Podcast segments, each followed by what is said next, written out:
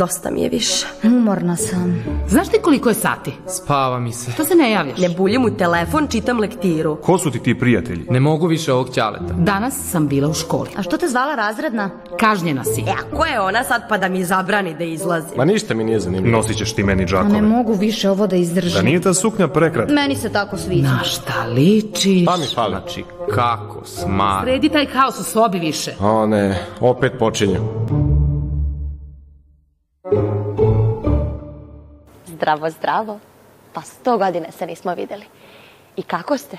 Čujem, krenula vam je škola. Sigurno sva ta odgovaranja, pismeni, kontrolni. Jel se snalazite u svemu tome? Da vas pitam, jel imate koncentracije dovoljno? Da, možda je problem s koncentracijom što je početak školske godine. Ili je ipak glavni krivac ona mala sprava, vaša produžena ruka, takozvani telefon. Znate da prosječnom korisniku mobilnog telefona na dan stigne hiljadu notifikacija. Se pronalazite u tome i mislite da nas to ne ometa u radu. E pa, ometa nas. Telefon ima nekih dobrih strana, ali ima i negativnih. Hajde da izvagamo da vidimo da li ima više dobrih, loših, ali da bismo to uspeli da uradimo, morate sad da isključite vaše mobilne telefone, sve notifikacije i da krenemo zajedno u novu emisiju.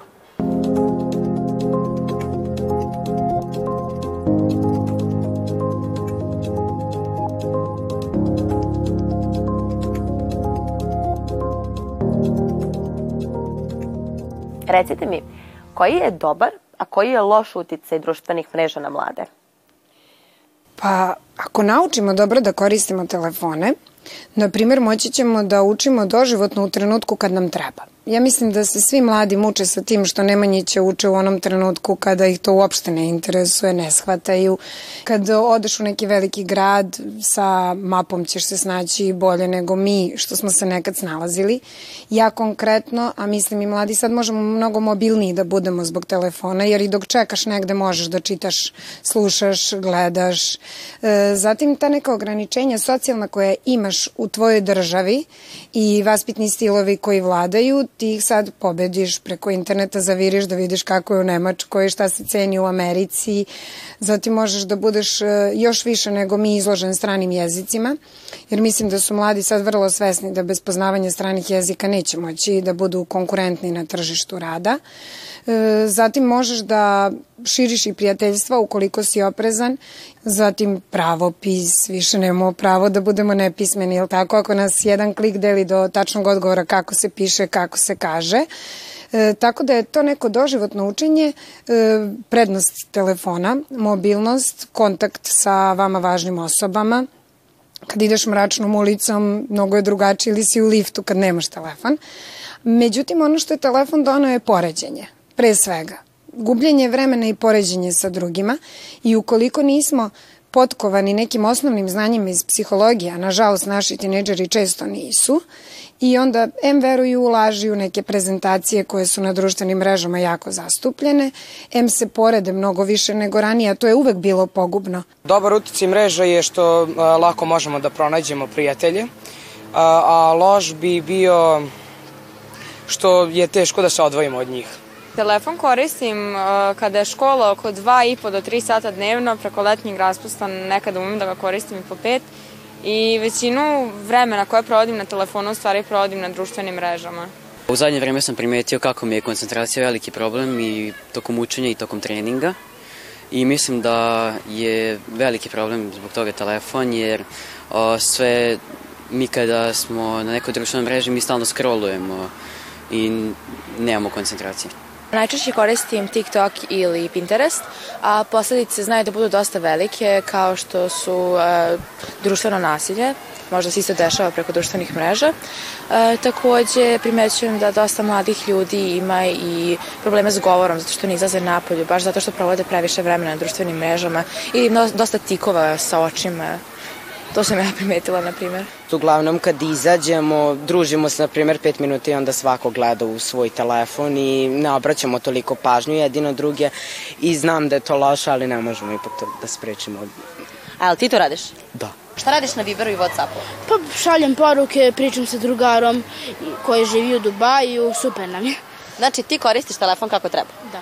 Negde je preporuka da gledaš na sat da odrediš, da koristiš taj tajmer na telefonu, da odrediš koliko ćeš se odmarati unapred, da se ne prepustiš nikad telefonu da ne obraćaš pažnju. Jer i čak i nama, evo i meni se desi da mi sat vremena na telefonu izgleda kao 15 minuta i tajmer tu baš pomaže.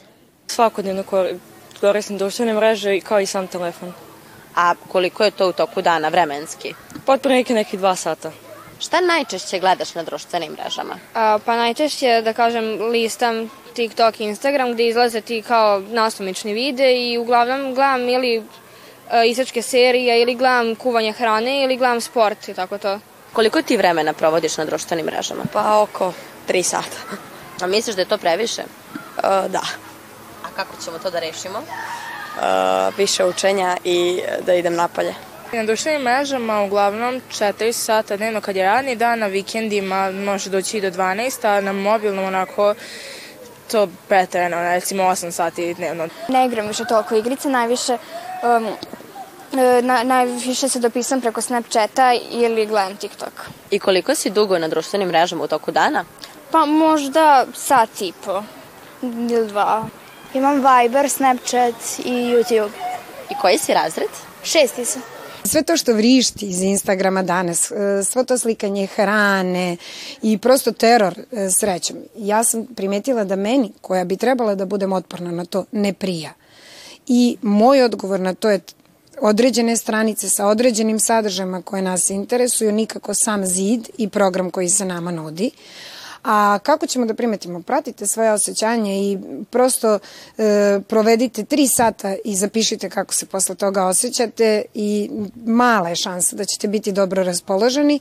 Zapišite. Isto uradite posle šetnje, isto uradite posle kafe sa drugaricama, isto uradite posle dobrog filma, isto uradite posle dobre muzike i samo će vam se kasti. E sad pitanje samo kontrole se razvijalo i kroz te sportove na koje vodimo decu kad su mali, i kroz školu kad su nešto morali da rade što im se nije radilo, i kroz raspremanje sobe koje im se nije radilo i u suštini ta samokontrola spašava glavu.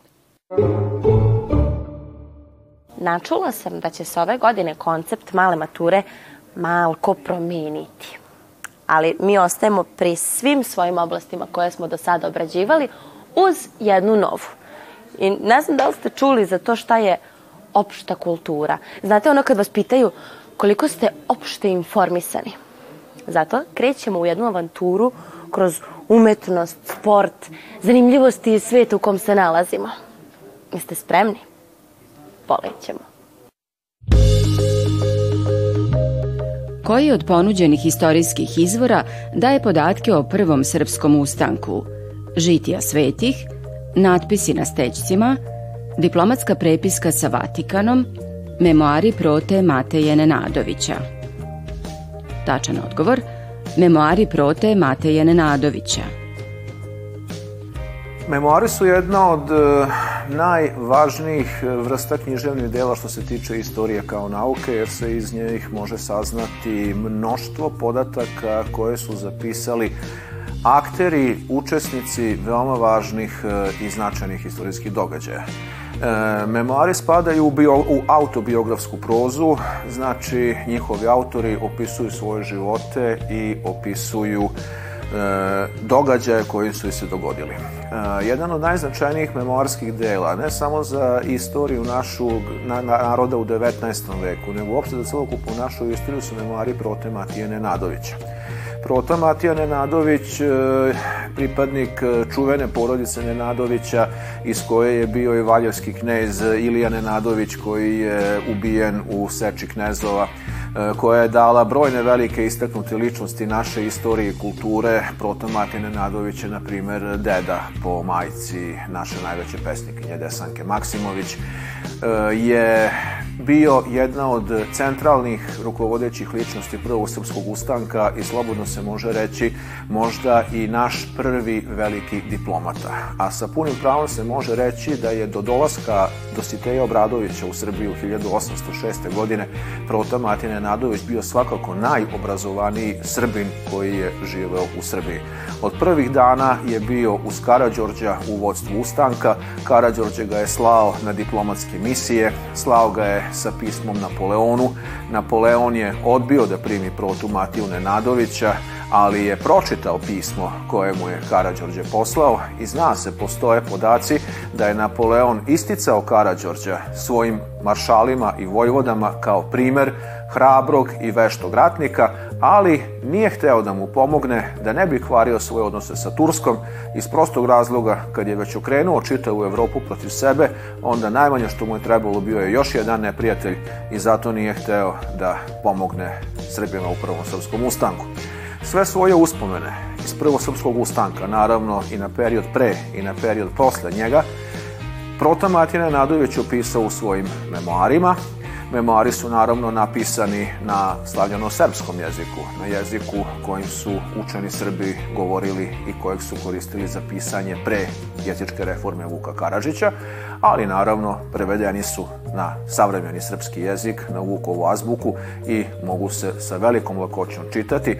Nisu samo izuzetno važno istoriografsko štivo, nego su i napisani sa velikom dozom književnog talenta, sa mnoštvom interesantnih detalja i događaja i vrlo interesantnih za čitanje. Znači, tačan odgovor na ovo prvo pitanje glasi da su to memoari prote Matije Nenadovića.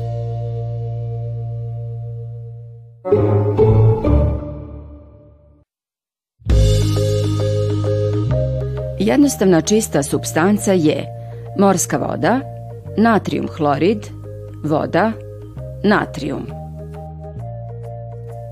Tačan odgovor, natrium. Čiste substance sastoje od jedne vrste prostih ili složenih substanci i ne sadrže ni jednu drugu substancu. E, čiste substance se ne mogu razložiti na svoje sastojke ni jednom fizičkom promenom. Čiste substance delimo na proste i na složene. Proste, čiste substance predstavljaju stvari hemijske elemente koji se hemijskim reakcijama ne mogu razložiti na prostije, dok e, čiste složene substance predstavljaju hemijska jedinjenja koje su nastala e, reakcijom između dva ili više e, elemenata koji su međusobno sjedinjeni u tačnom masenom odnosu. Od ponuđenih odgovora morska voda predstavlja smešu, dok natrium hlorid i voda predstavljaju čiste složene substance, a natrium kao sam hemijski element predstavlja prostu čistu substancu.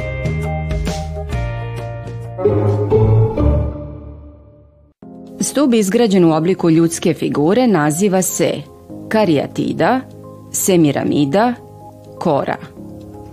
Tačan odgovor, karijatida. Karijatide se u klasičnoj arhitekturi koriste umesto stubova i one su statue u obliku ženskih figura.